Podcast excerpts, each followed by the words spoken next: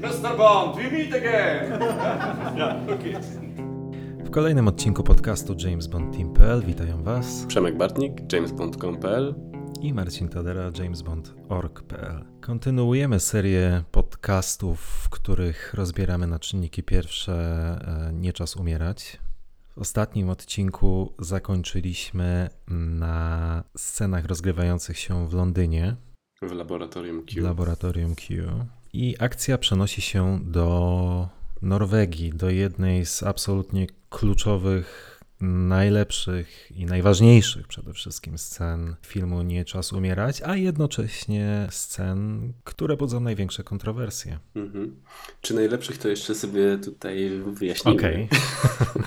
Dobra. Natomiast tak, jak najbardziej jest to niesamowicie kluczowa scena dla, dla tego filmu. Jest początkowo fantastycznie nagrana pod względem realizacji zdjęć, bo i, i też czekałem na ten przejazd V8 przez, przez ten sławny most. Fajne są to zdjęcia. Oczywiście mógłbym się jak zawsze i będę się czepiał, że za krótko, bo chciałbym na to popatrzeć dłużej, ale jest super. Zaparkowanie V8 w, w lesie, przejście przez płot i później mamy coś, co strasznie mi się podobało od pierwszego obejrzenia tego filmu, czyli moment, w którym James wychodzi z lasu i w tle widać dom Madeline. I jest to scena identyczna, skopiowana z sceny początkowej, Mhm. kiedy mamy dokładnie taką samą sytuację, tylko z, z Safinem. To tutaj mamy identyczne ujęcie kamery, tylko inną porę roku i inną postać i to bardzo mi się podoba. Dokładnie. Tak, tak, tak. To jest bardzo fajna klamra. Okej, Bond wchodzi do domu. No, my już wiemy oczywiście, że to jest dom Madeline Swan, tak więc e, wchodzi, odbie- odbezpieczając broń, e, wchodzi do środka. No i rozpoczyna się fenomenalna scena. Chociaż oczywiście nie każdemu ona przypadnie do gustu. Mm, Kiedy Madeline pyta, czy to jest dla niej, mając na myśli oczywiście odbezpieczoną broń, e, Bond kwituje to, że nie. No i e, rozpoczyna się jego monolog. Wyznanie. Wyznanie, które jest przepięknie napisane. Przepięknie. E, Ja je kupiłem od początku do końca, w którym przyznaje się do tego, że nie żałuje ani jednej chwili, która go doprowadziła do niej, poza tą, w której Wsadzają do pociągu. wsadzają do pociągu. Tak Mhm. jest.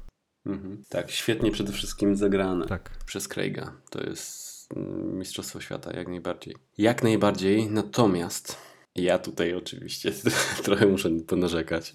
Craig mówi to naprawdę doskonale. Gra doskonale cały tekst. Y, Nie zmieniłbym żadnej linijki jego dialogu i mimiki widać po nim, że faktycznie dla niego Madeline jest naprawdę niesamowicie ważna. Mhm. Widać, że on kocha tą, tą, tą kobietę. Natomiast ja oglądając tą scenę, nie wiem czy przez to właśnie, że mm, już sobie zakodowałem w głowie brak chemii pomiędzy tą dwójką bohaterów. Ona, ta chemia tutaj się pojawia pod koniec i, i to mi się podoba, ale chyba w jednej z pierwszych linijek dialogowych, jaką dostaje mm, Leia Seydu, ona tutaj znowu, nie wiem czy to jest przy tym, jak, jak Daniel Craig zajebiście gra i, i naraz Leia ma coś do, do powiedzenia i ona robi to tak sztucznie, jak Monika Bellucci w Spectre. Ma tutaj jedną taką, jedno takie zdanie, którego nie pamiętam, ale wiem, że za każdym razem, jak oglądam ten film, wydaje mi się, że ona tutaj jakby czeka na słowo start i mówi wykutą na blachę linijkę dialogową. I to, to mi cały czas przeszkadza.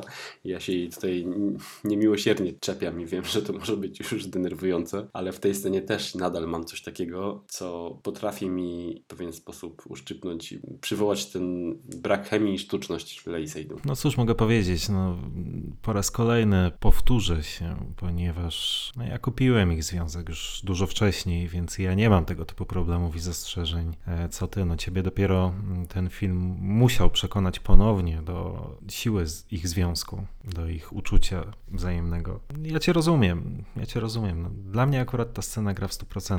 Na swoją obronę tylko powiem tyle, że tam końcówka tego dialogu, kiedy Leia mówi do niego, wiesz co jest w sobie najgorsze? I Craig jak rodem z Casino Royale w, dia- dialogu z Evan Green zaczyna śmiesznie gadać i tutaj tak samo odpowiada mój timing, moje poczucie humoru.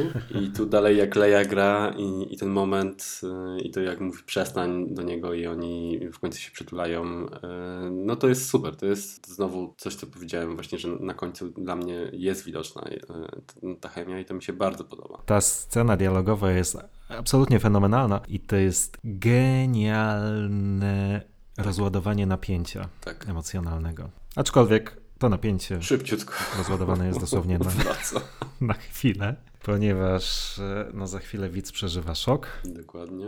Ponieważ Bond widzi kilkuletnią dziewczynkę. Dokładnie. Przez całą serię tych podcastów wymienialiśmy momenty, w których my, to znaczy widzowie, jesteśmy przez twórców filmu przygotowywani na ten moment.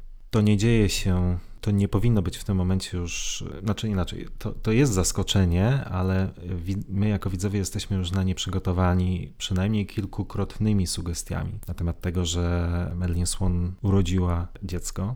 Mhm. Tylko, że to się ma z tyłu głowy, a nie myśli cały czas o, e, o, tym, nie? I dopiero tak naprawdę te momenty stają się dla ciebie jasne dopiero jak widzisz tą scenę. I to jest fajne. Tak, to jest po prostu fantastyczne. Podobnie jak fantastyczne jest to w kolejnej scenie, kiedy e, Madeline Swan usypia Matyldę, bo tak ma na imię ich e, córka, kiedy rzuca do Bonda, ona nie jest twoja. I to okay, ja przyznaję, ja wiedziałem przed seansem, ja wiedziałem oczywiście o córce Bonda i Medlin, ponieważ to się gdzieś w przeciekach pojawiło, ale moment, w którym Medlin rzuca to ze śmiertelną powagą, ona nie jest twoja, z jakiegoś powodu, nie wiem czemu, ale mnie to przez chwilę autentycznie zbiło z pantałyku. Dokładnie, tak samo. Ja od razu na, na początku pomyślałem, że e, może faktycznie nie jest jego, tylko to jest tak zrobiony taki motyw na zszokowanie widza. Nie? To jest tak nieoczywisty tekst, tak nieoczywiste rozwiązanie scenariuszowe, że no, autentycznie w pewnym momencie mówię, no, ale jak?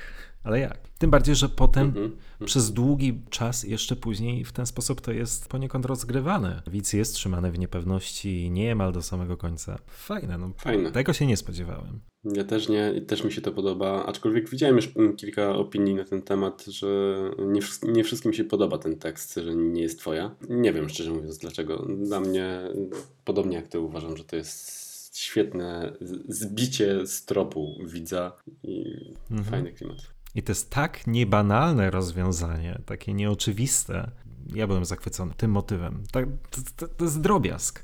To jest tak naprawdę drobiazg. Ja wiem, czemu on służy. On służy temu ostatniemu wyznaniu, żeby ono bardziej chwytało za serce, ale nie mam z tym najmniejszych problemów. Wręcz przeciwnie, kupuję to w całej rozciągłości. Ale skoro mówimy o kupowaniu tego motywu, no to też nie możemy jednak nie zauważyć, że motyw dziecka czy rodziny, ale przede wszystkim dziecka Bonda jest bardzo kontrowersyjny wśród fanów. Tak, co prawda nie wiem do końca, znaczy może wiem dlaczego, aczkolwiek zarówno fani Fleminga nie powinni aż tak bardzo się dziwić wykorzystaniu taki, takiego motywu, bo to jest też w pewien sposób nawiązanie przecież do książek. Ja powiem więcej, jestem absolutnie przekonany, że ten motyw pojawił się w filmie właśnie dlatego, że pojawił się u Fleminga, bo przypomnijmy, powieściowym e, żyje się tylko dwa razy, kiedy Bond e, rozprawia się z Blofeldem, okupuje to utratą pamięci. Następnie przez kilka miesięcy żyje u boku Kissy Suzuki na jednej z japońskich wysepek, nie mając absolutnie świadomości tego, kim jest. W pewnym momencie, e, kiedy widzi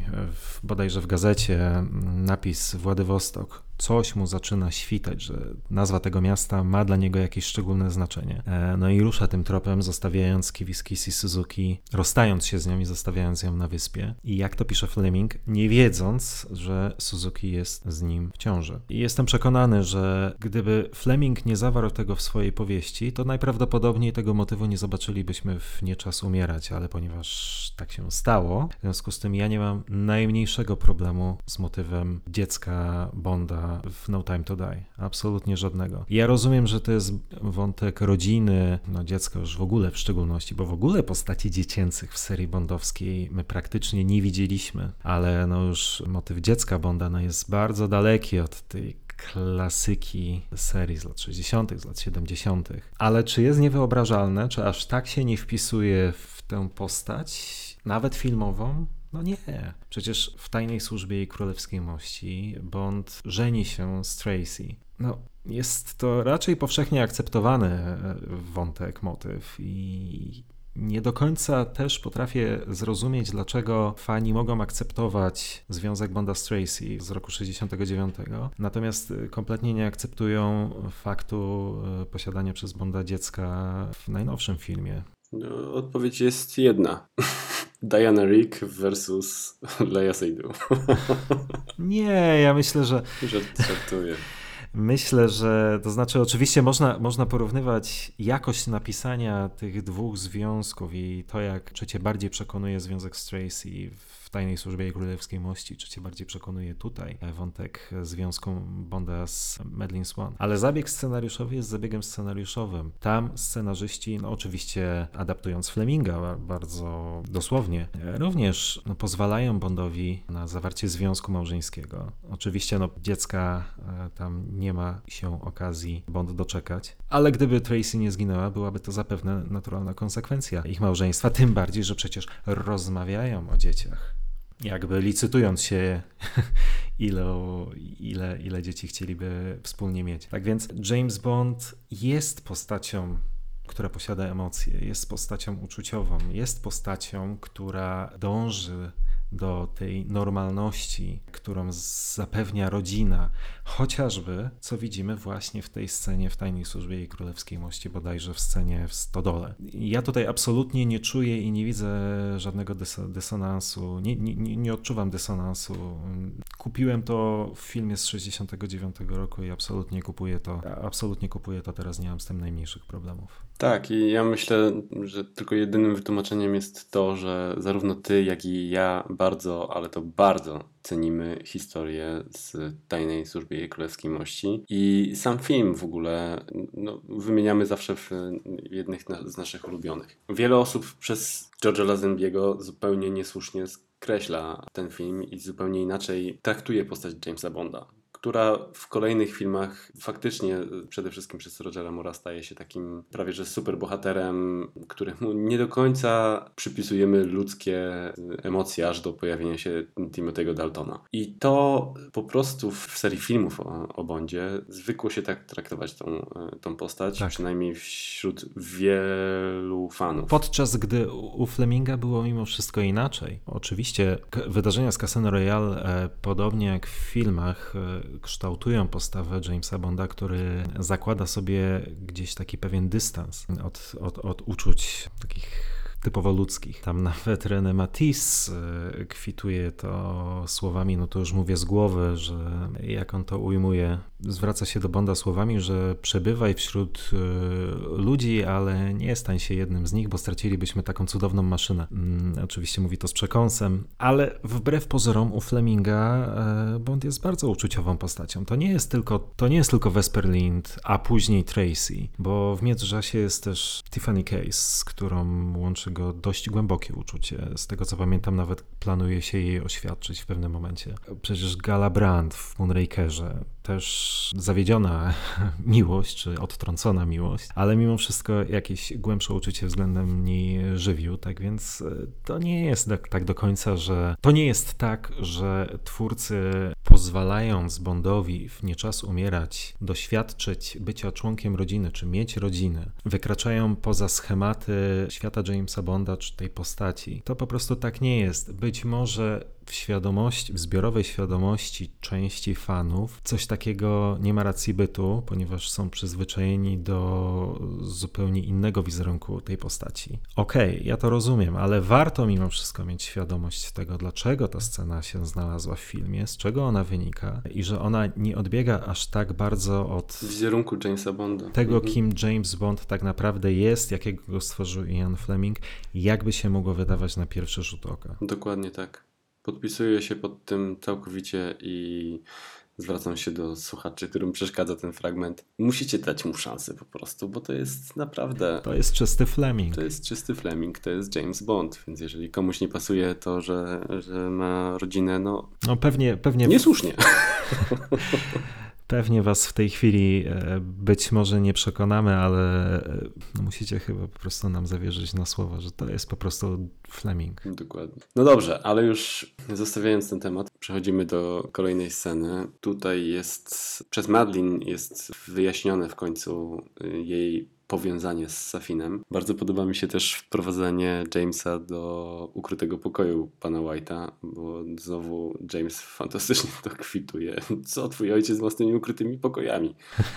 No i zastanawiając się nad tym, no to, to tak, no, w Spectre przecież w L'American był ukryty pokój. W scenie poprzedzającej Maroko też przecież mm -hmm. mieliśmy pana White'a z innym ukrytym pokojem. więc zdecydowanie ten gość y, lubił tego typu sprawy. Chociaż akurat ten ukryty pokój jest jak najbardziej uzasadniony i zrozumiały, bo to nawet Pewnie. nie tyle ukryty pokój, co jak to się ładnie mówi z angielska panic room. Panic room, dokładnie tak. E, ale no to już taka oczywiście dygresja. Tekst jest rzeczywiście fajny. Tu jest wytłumaczenie, jakby gene, geneza Safina w pewien sposób skrótowo, ale e, przedstawiona. To jest w miarę fajne. Tak, Natomiast tak. ta scena się też kończy świetnym dialogiem, monologiem tak naprawdę Jamesa, który po telefonie do Q, tak naprawdę nagrania wiadomości chyba, bo e, on nagrywa Q wiadomość rzucając informacje o, o wyspie, wysyłając mu zdjęcie i tak dalej. I rozłącza się i świetnie mówi wtedy do Madeline, że mieli tysiące powodów do tego, żeby znaleźć Safina, ale teraz dała mu powód, żeby go zabić. To jest też fajne, lubię to. Mm -hmm, Bo tak, bo Medlin, to też warto przypomnieć, połowicznie tłumaczy motywację Safina. Na pytanie Bonda, czego on chce, odpowiada zemsty i mnie. Mm -hmm. Co, jak już mówiłem, połowicznie Safina tłumaczy. No i to jest ta, ta prostsza do wytłumaczenia część motywacji czarnego charakteru w tym filmie. No i potem mamy taką fajną... Rodzinną scenę. Rodzinną scenę. Dokładnie. Sporo osób narzeka na ten, na ten fragment. Ja też nie mam zielonego pojęcia dlaczego. To jest ważna scena, ponieważ ona daje Bondowi na miastkę życia, jakie może go czekać e, już niedługo. To jest bardzo, bardzo ważna scena, ponieważ ona też emocjonalnie nas wiąże z tym, co się wydarzy za chwilę, ale przede wszystkim daje Bondowi wyobrażenie na temat tego, co, co może mieć. To jest też dość zabawna oczywiście scena, no bo jak Matylda twierdzi, że jest głodna, Bond jedyne, co tak naprawdę potrafi zrobić, to okroić jabłko. No właśnie i ja się tutaj kompletnie z tym nie zgadzam, bo dokładnie to samo e, powiedział Andrzej na naszej grupie. Czy też parsknęliście śmiechem, jak nasz znawca kawioru daje dziecku jabłko? I ja tak, parsknąłem śmiechem, jak, jak zobaczyłem tą scenę, jak daje jabłko i na, na dodatek e, pyta, czy dobre, no i jak. Natomiast tutaj jest po prostu błąd kamery, która nie pokazuje do końca tego, że on jej zrobił zajebiste pancake'i. Nie dał jej jabłko, tylko miał tam rozłożone gary i to widać. Widać w niektórych ujęciach kamery, natomiast on, on nie dał jej jabłka, tylko on jej zrobił świetne racuchy. Placki z jabłkiem, obtoczone w cieście, które są jakby nie było dla dziecka wykwintnym posiłkiem, Aha. do którego trzeba się przyłożyć. To jest ewidentnie błąd montażowy, bo ja na ten detal nie zwróciłem uwagi. Tak, i wiele osób właśnie ma podobnie i ja, ja na początku też no, parknąłem śmiechem, tak jak powiedziałem, natomiast to, to widać później, że to dziecko nie je jabłka, tylko je e, racucha, naszego polskiego racucha, nie wiem jak po polsku, bo to nie wiem, czy to jest pancake, ale no Gdyby tylko i wyłącznie, wiesz, może to by było już zbyt rodzinnie, gdyby kamera przejechała przez kuchnię i zobaczyła smażącego placki Jamesa, ale w sumie no taka sekunda momentu, kiedy on, nie wiem, z patelnią się odwraca i jej kładzie placka na, e, na talerzu, a nie to, że widać, że obiera jabłko i, i naraz pyta, czy dobre. Nie, no bo oczywiście no, e, oczekiwanie ustosunkowania się do jakości jabłka jest, jest po prostu jest mało poważne. Tak, dokładnie. Tak więc to, co mówisz, ma jak najbardziej sens, ale, ale jest gdzieś tutaj pewien, chyba błąd montażowy w pracy kamery, albo być może to, o czym ty mówisz, jest lepiej widoczne w IMAXie. czego ja nie pamiętam po pierwszym Mhm. seansie, bo tylko raz widziałem ten film w IMAXie, tak więc być może są tam jakieś ukryte elementy, które są obcięte e, w obrazie o, pro, o proporcjach kinowych e, tych normalnych kin. I teraz wyobraź sobie ten slogan reklamowy. Jeśli wydaje wam się, mm, jeżeli chcecie zobaczyć więcej z- z Jamesa Bonda, szczególnie ze sceny w kuchni, koniecznie pójdźcie do IMAXa, bo tam widać, że on nie daje dziecku jabłka, tylko smaży placki. IMAX.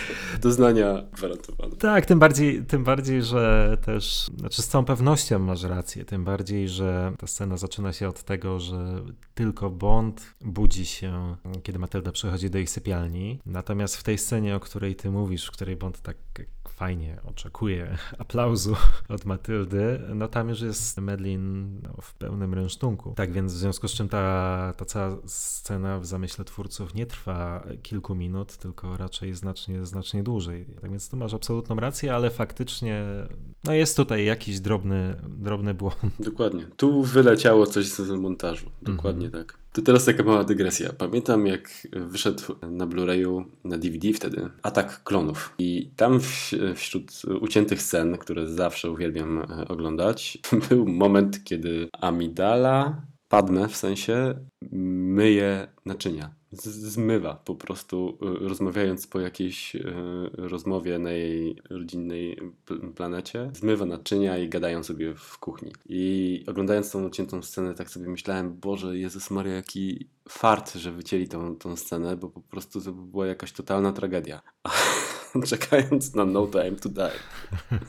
Marzę o tym, żeby zobaczyć, jak James smaży placki. To jest totalny paradoks. Ale no tak, jak już, e, tak już teraz na poważnie mówiąc, ta scena może się wydawać banalna i błaha, ale tak naprawdę to jest szalenie ważna scena. Dokładnie, tutaj też mamy to zawiązywanie relacji, to dokładnie to, co powiedziałeś, to wyobrażenie, jak mogłoby wyglądać życie Jamesa. Tym bardziej, że po nim cały czas widać oczywiście te niedowierzanie i tak naprawdę ja myślę, że on cały czas oczywiście się zastanawia i w głębi serca wie, że to jest y, jego córka. Tak, a przynajmniej chcę wierzyć. Dokładnie. No ale dostajemy telefon w szybkiej rozmowie z MI6. James y, dowiaduje się mimochodem, że Logan aż się do, do niego zbliża, bo Laszana miała, Laszana, przepraszam, Nomi miała śledzić Logana Asha, a okazuje się, że nadajnik jest nieopodal. Więc James szybko sobie składa y, zebrane informacje i zaczyna się ucieczka. I teraz tak, ja wiem, że już przy okazji tych podcastów y, przyzwyczaiłem Was do czepiania się i tutaj niestety dalej trochę się będę czepiał kilku motywów. Pierwsza rzecz, która mnie niesamowicie raziła za pierwszym oglądaniem tego filmu, z którą zupełnie w ogóle przeszedłem do porządku dziennego przy kolejnych seansach, to była gra tego dziecka. W żadnej scenie tego pościgu w, Nor- w Norwegii nie widziałem jakiegoś takiego y, przerażenia Ani w późniejszych scenach. ani w późniejszych scenach. I dla mnie, y, ja nie, nie mogłem, myślę, że skupiłem się na tym y, momencie przede wszystkim dlatego, że sam mam syna. Wiem mniej więcej, jak dziecko reaguje w jakichś takich strasznych momentach, typu oddzielanie na przykład od mamy, albo powiedzmy, mm, wydaje mi się, że mimo wszystko przerażające dla dziecka byłby jakiś pościg i to, że ktoś próbuje stanować, staranować ci samochód. Tu miny tego dziecka są totalnie nienaturalne, ono nie czuje żadnego zagrożenia. I wydaje mi się, że dlatego na to tak e, uwagę, że ja cały czas jednak myślałem, że na tym kolejnym seansie e, ja wyląduję na tym filmie z, z moim synem, który się będzie z tego strasznie bał. I zwracałem uwagę po prostu na, na Matyldę i bardzo mi to nie grało z tym, co się dzieje na, na ekranie. Z tym się zgadzam. Tak, Matylda ewidentnie, nie wiem, no pewnie niezręcznie jest oceniać grę aktorską kilkulatki. Nie wiem, może po prostu nie chcieli tej dziewczynki traumatyzować na planie. Dokładnie. Chyba po prostu trzeba chyba na to tak patrzeć.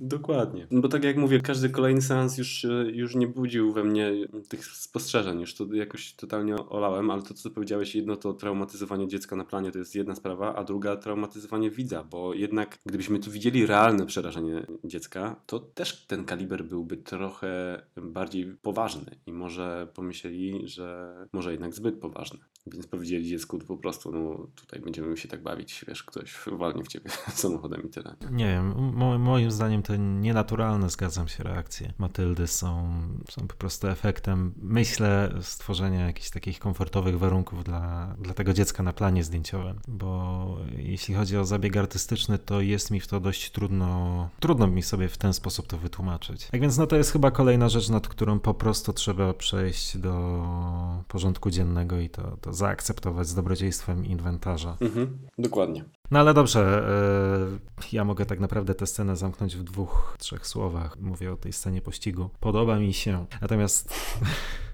Wiem, że ty masz znacznie, znacznie więcej do powiedzenia na temat tej sceny, tak więc zamieniam się w słuch. Jeszcze tylko może dopowiadając, że scena pościgu za pierwszym razem, kiedy ją oglądałem, mnie rozczarowała, bo spodziewałem się, że będzie to tego większego efektu wow. Natomiast przy kolejnych seansach znacznie bardziej doceniłem przynajmniej kunszt realizacyjny. To po pierwsze, a po drugie tylko chciałem powiedzieć, że podoba mi się ten suspens, który jest wprowadzony na początku tej sceny, kiedy mhm. samochód Bonda mija się z tymi dwoma czy trzema Land Roverami, gdzie my wiemy, że no, to jest to, my jako widzowie, ale jeszcze daje nam się jakąś tam namiastkę nadziei, że jednak uda im się uciec, ale kiedy te same samochody pojawiają się ponownie już za samochodem Bonda i Medlin, no to już wiemy, mhm. jak ta scena się dalej potoczy. Tak więc zamieniam się w słuch. No to zacznę od zachwytów, tak? Zdecydowanie ten suspens jest fantastyczny.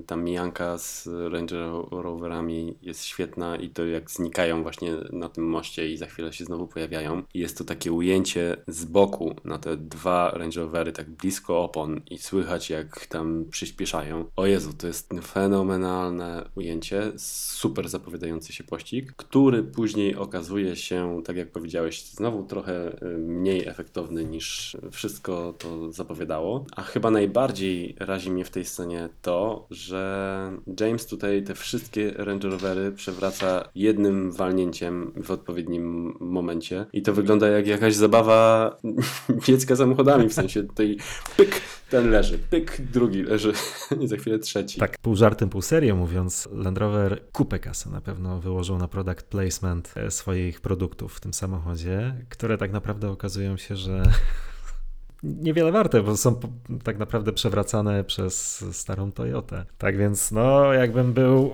e, szefem Land Rovera, to myślę, że bym się wkurzył oglądając tę scenę. Dok dokładnie. Tym bardziej, że też każde, w ogóle to też jest fenomen jak na serii o Craigu, bo jednak zawsze mieliśmy widoczne te wgniecenia, rozwalone samochody, a tutaj ten stary grat, którym jedzie James, nie dość, że rozwalają dwa albo trzy Range Rovery nowiutkie i to przy takim delikatnym walnięciu, to jeszcze nic, ale to nic po tej karoserii nie widać, żeby się tam cokolwiek stało. Lampa pękła czy cokolwiek. To jest oczywiście detal, na który wielu ludzi powie, że już bez sensu się na to czepiać. Natomiast za pierwszym razem, jak oglądałem, to ta scena wydawała mi się tak sterylna, jak na erę Craiga, jeżeli chodzi o, o pościgi, że no, była dla mnie trochę w pewien sposób śmieszna nie wzbudzała takiego aż wielkiego napięcia, jakie powinna wzbudzać, no bo jednak później jeszcze ten wjazd do lasu, ukrycie tego, tego samochodu i e, rozwałka kolejnych wrogów, to nadal to powinno wzbudzać wiele napięcia i w sumie no, trochę wzbudza, natomiast też nie aż tak do, do, do przesady. Ja nie byłem tym tak zafascynowany i tak pochłonięty jak sceną w Materze. Nie była dla mnie tak super intensywna, mimo tego, że miała potencjał, żeby być. Jest tu kilka elementów też znowu jakichś drobiazgów, których jak ktoś będzie mnie słuchał, to powie, Boże, Jezus, tego gościa się nie da słuchać. Ale ja tak bardzo bym chciał, żeby on jednak zdjął ten płaszcz.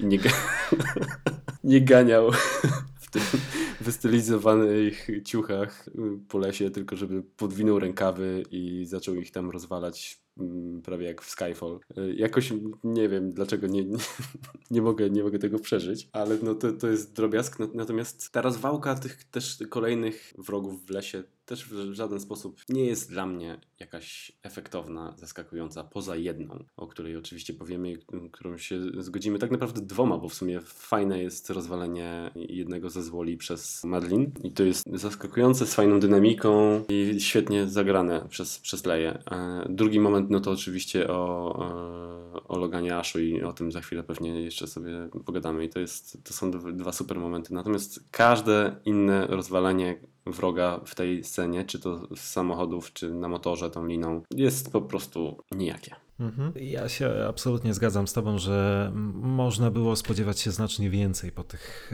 e, scenach, zarówno pościgu samochodowego, jak i później w lesie. Pamiętam, jak pierwszy raz, to chyba było w trailerze, został pokazany ten moment, w którym Land Rover, jadąc w kierunku, już w lesie, jadąc w kierunku Jamesa Bonda, w pewnym momencie się przewraca, na co Bond, właściwie jeszcze nie czekając, aż skończy ten samochód koziołkować, e, tak efektownie, dosyć efektownie e, strzela w kierunku kierunku kierowcy, no to zapowiadało, że ta przeprawa przez las będzie bardzo intensywna. I można powiedzieć, że tak jest, tylko podobnie jak praktycznie każda scena akcji, o czym już nieraz rozmawialiśmy w tym filmie, jest bardzo krótka. No ma to swoje plusy i minusy. Nie wybija z rytmu, co jest bardzo ważne, no ale też nie pozwala jakby pokazać pełni możliwości twórcom. I jeśli sobie pewnie wyobrazimy, ile e, czasu, ile środków i pieniędzy zostało przeznaczone, e, poświęcone na, na, na tę scenę, to myślę, że to, co ostatecznie zobaczyliśmy w kinie, pewnie jest niewspółmierne do wysiłków twórców i spodziewanego efektu. Natomiast, no cóż, e, ja nie mam z tym większych problemów. Z tych samych, myślę, powodów, co ze sceną w Materze, Pewnie, że chciałoby się więcej, ale z dwojga złego wolę nie zostać wybitym e, z rytmu opowieści, to po pierwsze. A po drugie też w tej scenie bardziej podobają mi się chyba te niuanse, krótkie momenty, w których pokazane są emocje bohaterów. Jak na przykład Bond niesie Matyldę i pojawia się ten złol, którego, jak już zauważyłeś, e, załatwia Medlin. To Bond zasłania Matyldę swoimi plecami. To jest fajne. Fajne jest to, jak on zostawia broń Medlin i odciągając wrogów od nich, e, biegnie przez las, strzela w powietrze, żeby zwrócić na siebie uwagę, żeby pościg ruszył za nim. To ja głównie zapamiętałem z tej sceny i dlatego, dlatego ja się jej nie będę czepiał. Pomimo tego, że z całą pewnością e, myślę, nie jest ona tak, jakiego by to słowo użyć, epicka, na jaką liczyłem i jakiej się spodziewałem. Mhm, dokładnie. Natomiast, e, tak jak mówisz, no, można znaleźć w tej scenie dużo ciekawych fragmentów i to, o, czym powiedziałeś o zasłanianiu Matyldy jest e, jednym z nich, bo to jest fantastyczny motyw. Fantastycznym motywem jest też bezpośrednie nawiązanie do, do Tylko dla Twoich oczu i rozwalanie e, Logana Asha.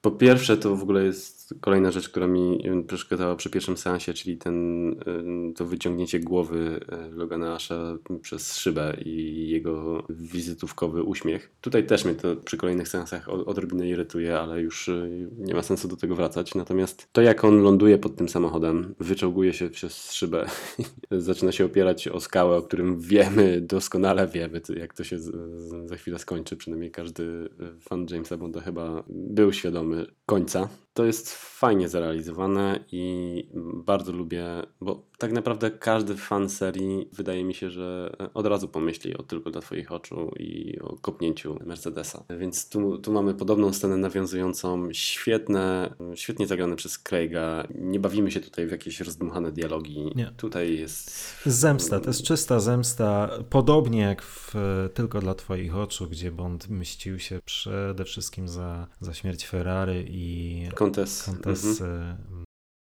Lisa von Schlaft. von Schlaft? Tak, i Lisy. No tak tutaj e, po fajnym stwierdzeniu, że kiedyś miał brata, mając na myśli oczywiście Felixa Leitera. Wiemy, że to jest akt zemsty za, za, za, za zabicie Leitera, to jest super. Tak, rewelacja. Miał na imię Felix, popchnięcie auta i to musiało boleć, bo to auto przygniatającego do, e, twarz do, do skały, no to już możemy sobie tylko wyobrażać. Mhm. Tak więc ta, ta scena rzeczywiście jest kapitalna. Tak, później w tej skrytce, mm, co, mm, już nie będę się czepiał, ale trochę mnie wkurza, że tam się pojawia Safin. Wolałbym, żeby tam jednak Primo jakoś wyszarpał Matyldę i, i Madeline albo ktokolwiek inny i ich zabrał do, do śmigłowca, ale już abstrahując od tego, pojawia się Safin, Matylda i Madeline zostają porwane, a James za chwilę na swojej drodze spotyka agentkę 007. I tu też lubię ten moment jakby podgrzania atmosfery, kiedy Nomi rzuca czy cię podwieść, a Craig tylko gdzie byłaś, mając do niej w sumie uzasadnione pretensje pewnie. No. Nie wiem, czy uzasadnione, ale... Ale to gdzie w takim razie ona była do jasnej cholery? ale no okej, okay, w każdym razie... Mm, no tutaj mamy kolejnego Astana. Mhm. Chyba super lega to jest. Tak Aczkolwiek jest. rzeczywiście już się powoli zaczynam gubić w tych Astanach Martina, które są w tym filmie. Aczkolwiek nie robi na mnie w ogóle żadnego wrażenia to, to auto. Nie, Aczkolwiek w bardzo efektowny sposób wjeżdża na mm -hmm. płytę lotniska NATO i to jest chyba takie ujęcie, którego nam, których chcielibyśmy więcej widzieć w tym filmie. E, ono też jest oczywiście krótkie, ale to jest już takie bardzo efektowna praca kamery wygląda to fajnie. Mhm. W pewien sposób mnie w ogóle jakoś rozczula ten fragment, kiedy oni jedą samochodem. James pyta, czy M przygotował dla niego samolot, a Nomi odpowiada, że dla nas, bo lecę z tobą. I jak James jej za to dziękuję i ona jest z tym zmieszana dosyć mocno, a ja jestem trochę rozczulony i martwię się o córkę Jamesa i współczuję Jamesowi. I to jest fajna scena. Dokładnie. No i przechodzimy do ostatniej sceny drugiego aktu filmu, czyli na pokładzie samolotu uzbrajanie Bonda i e, Nomi. Przepraszam. Ledwo się pamięta jej imię, nie? To nie jest jej imię. Okej. Okay. Nie, to jest jej nazwisko chyba. Gdzieś ostatnio wyczytałem, że do zweryfikowania przy kolejnym seansie, że w tym podglądzie sytuacyjnym, nazwijmy to w ten sposób, kiedy są tymi greckimi literami oznaczone obie postaci, czyli Bond i, i Nomi, to podobno jest Bond opisany jako Bond przecinek J, kropka, a Nomi jako Nomi przecinek, nie wiem czy M, kropka, no w każdym razie jakby sugerując, że to jest nazwisko, a nie imię. Aha, aha, okej. Okay. Ale to trzeba rzeczywiście, ja, ja na to nie zwróciłem uwagi. Spokojnie, wyczajmy. W każdym razie no mamy scenę e, typowo bondowską, czyli uzbrajanie, odpowiednio odpowiednik sceny w laboratorium Q, kiedy Bond dostaje zegarek, bardzo ładny zegarek. Bardzo ładny. Miałem go na ręce, mam naprawdę bardzo miłe wspomnienia z odwiedzenia salonu Omegi w Warszawie i gorąco polecam obejrzeć ten zegarek z bliska, bo jest naprawdę, naprawdę bardzo ładny. Ale zanim dojdzie do tego, to jeszcze mamy rozmowę z M i jest kwestia, którą no, już omówiliśmy chyba nawet na początku tej serii podcastów, ale jest zwrócenie numeru Ach, 007 Jamesowi i to też przede wszystkim przez to, jak Nomi reaguje na kwestię porwania dziecka i Madlin. O czym w sumie też tylko przypomnę, że to, ta scena w, w samochodzie też bardzo fajnie jest odegrana przez Lashana Lynch, kiedy ona odgrywa zdziwienie tym, tym, że Madeline ma córkę i myślę, że też doskonale wie, że to może być córka Jamesa. Tak, dokładnie tak. Natomiast dosyć dużo uwagi w, tych, tej serii podcastów poświęciliśmy motywowi numeru 007 i wagi, e, jaką przywiązuje do tego motywu scenariusz. Wskazaliśmy na moment, w którym to powiedzmy gra. Wskazywaliśmy znacznie częściej na momenty, w których scenariusz przesadnie skupia się na tym motywie. No a teraz dochodzimy do sceny, która Ubierz to w słowo, Przemek. Ja tylko nakreślę powagę sytuacji dla słuchaczy. Kwestia numeru 007, który został przekazany Nomi, była na internecie, w sieci poruszana prawie że od samego początku realizacji tego filmu. Każdy o tym wiedział, że tak będzie. Natomiast ja na przykład od razu wszystkich uspokajałem, że dajcie spokój, to jest James Bond, poza tym licencja, już abstrahując od licencji na zabijanie, to licencja na gadżety i innego rodzaju, nie wiem, układanie się tego numeru na, na płytach DVD czy gdziekolwiek. To było pewne, że ten numer musi do niego wrócić. W sumie jakby nie wrócił, patrząc na koniec tego filmu, to pewnie też nic złego nic, by się nie stało. Ale nic. w sieci ten temat wywołał olbrzymią burzę. Oczywiście dochodziły jeszcze kwestie tego, że w ogóle faktu, że kobieta będzie 007, a potem myślenia o, o tym, że kobieta będzie Jamesem Bondem. Natomiast mm, w tych wszystkich rozmowach i komentarzach na, na internecie pojawiał się temat, i to chyba też między innymi my nawet poruszyliśmy. Ja kiedyś napisałem po, specjalny post właśnie o tym, o tym, żeby się tego nie bać. Natomiast y, ty mi wtedy nakreśliłeś to, czy to rzeczywiście będzie takie łatwe z oddaniem tego numeru. Że to wcale nie może, może nie być taka błaha sprawa. Natomiast błahość oddania tego numeru przeszła nawet y, moje oczekiwania. Nie sądziłem, że to tak w taki banalny sp sposób zostanie zrealizowane i to jeszcze przed akcją takie nadal rzucanie w zupełnie nieodpowiednim momencie tego tekstu przez, przez Nomi, że wnioskuje o zwrócenie numeru 007 Jamesowi Bondowi. Ta scena jest tak, nie wiem, podniosła, patetyczna. E, ja, ja byłem w szoku nie samym, znaczy z samym motywem zwrócenia tego numeru Bondowi też, ale, ale byłem w szoku powagi tej sceny. Przez myśl by mi nie przyszło, że twórcy tej klasy coś tak banalnego mogą nam zaproponować. No to, to jest jedna z nielicznych e, scen, która jest żenująca. Mhm. Ja tylko muszę dodać, że mnie z reguły takie rzeczy jakoś za bardzo nie, nie przeszkadzają. Czekałem na ten fragment przez tę naszą nakrętkę i zawiodłem się bardzo i mm, to był, tak jak już użyłem chyba tego stwierdzenia w poprzednim odcinku, zbiorowy facepalm na sali kinowej, w naszym wykonaniu przynajmniej na pewno. Natomiast muszę na obronę tego motywu, że jak już zeszły ze mnie te wszystkie wyobrażenia, w jaki sposób to się odbędzie, to w tych kolejnych seansach, w drugim seansie, przy, przy okazji drugiego seansu, już na to wcale tak nie zwracałem uwagi, już jakby pogodziłem się, że to jest tak zrobione, a przy trzecim seansie to w ogóle. Żebyśmy się dobrze zrozumieli, to nie jest rzecz, która, która w jakikolwiek e, sposób rzutuje na ocenę filmu jako całości. Ona absolutnie nie psuje e, przyjemności zaglądania tego filmu. E, po prostu nieporadność scenarzystów w zakończeniu wątku i problemu, który sami sztucznie nakręcili, zupełnie niepotrzebnie, no jest po prostu poniżej poziomu tych konkretnych twórców. Bo o ile jeszcze jestem w stanie sobie wyobrazić, że to wyszło spod pióra Purvisa i Wade'a, no ale jeśli to się ostało po poprawkach Barnesa, po poprawkach Fukunagi, po poprawkach Phoebe Waller-Bridge i jeszcze na sam koniec przeszło to przez gardło Leszanie Lynch na planie filmowym, no to jestem bardzo, bardzo, bardzo zdumiony. I tylko i wyłącznie w tym kontekście oczywiście Zgadza o tym mówię, bo to jest w sumie tak naprawdę pierdoła i no jest jak jest. Trudno. Zgadza się. No dobra, ale myślę, że to jest chyba. Yy, chociaż nie wiem, może jeszcze coś o tym powiem.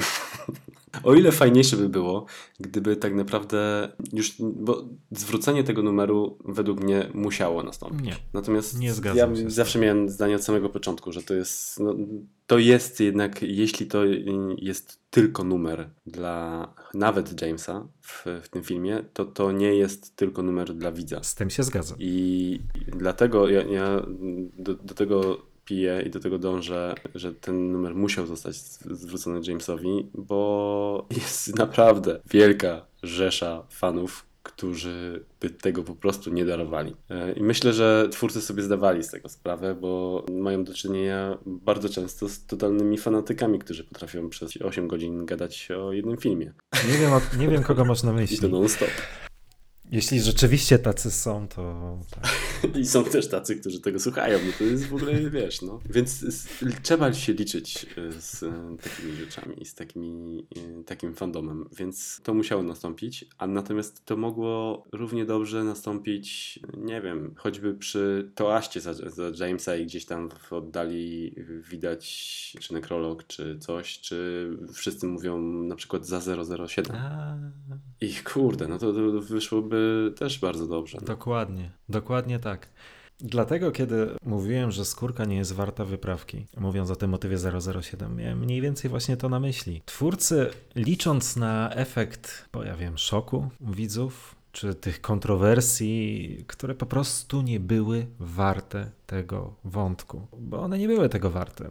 Nie ma kontrowersji szczególnych w Mhm. tym, że ktoś odziedziczył po Jamesie Bondzie numer 007, Nie, nie, który też odziedziczył ten numer po kimś. Nie ma kontrowersji w tym, że, że jest to kobieta. Przynajmniej nie powinno być tego typu kontrowersji, bo kobiety w sekcji 00 widzieliśmy już w przeszłości w filmach o, o agencie 007. Tak więc no, twórcy na własne życzenie postawili się przed problemem, z którego wybrnęli w najgorszy z możliwych sposobów. I e, skoro już byliśmy w tym miejscu, no to rzeczywiście masz 100% racji. Kiedy Lashana Lynch czy Nomi dopytuje w e, scenie w Londynie, jaki 00, jaki 00, dwukrotnie, gdyby po prostu pozostawić ten wątek samemu sobie, i tak jak ładnie to przed chwilą powiedziałeś w scenie Tolastu, powiedzieć, że to jest za 007, no każdy by wiedział, kto jest agentem 007. A nie mielibyśmy tak niezręcznego i pokracznie Dokładnie. napisanego dialogu jak tutaj, kiedy ważą się losy świata, ważą się losy rodziny Jamesa Bonda, ale nie. Ale... A no mi staje na ba- baczność przed, Tak. przed monitorem, nie? Jeszcze i proszę o... Przecież to jest, Tak, to no. jest po prostu głupie. No ale tutaj e, twórcy rozwiązują problem, który sami sobie stworzyli dla efektu, którego nie było. No i tyle. No i tyle. No i jedno, co jeszcze o tej scenie trzeba tylko powiedzieć, e, już zostawiając numer w spokoju, bo myślę, że chyba się nad nim już pastwimy dosyć długo. To tak jak powiedziałeś, James i Nomi zostają wy- wyposażeni w, ga- w gadżety, co jest no, typową sceną bondowską. Znowu z jajem, bo oczywiście mamy tutaj fajny tekst dialogowy, w którym się okazuje, że nie do końca są sprawdzone te, te gadżety. Wstrzyknięcie Smart Blood, co jest też Ciekawe. nawiązaniem do, Mhm. do Spectre Nieoczekiwanym. Dokładnie, więc dosyć ciekawe i to otwieranie szuflad y, właśnie w poszukiwaniu chyba tego Smart Blood i tam jakieś filiżanki Q i tak dalej. Eee, tak, co akurat ja nie poczułem tego dowcipu, nie trafił do mnie.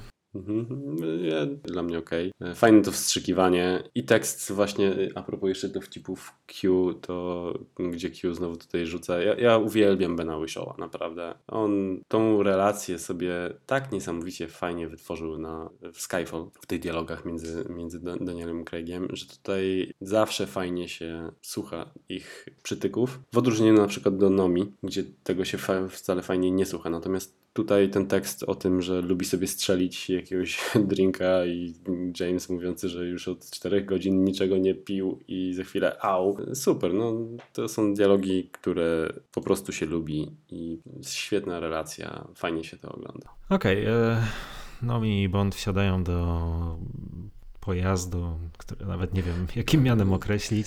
Hmm. Szybowco, łodzio łódź podwodno. podwodna, dokładnie.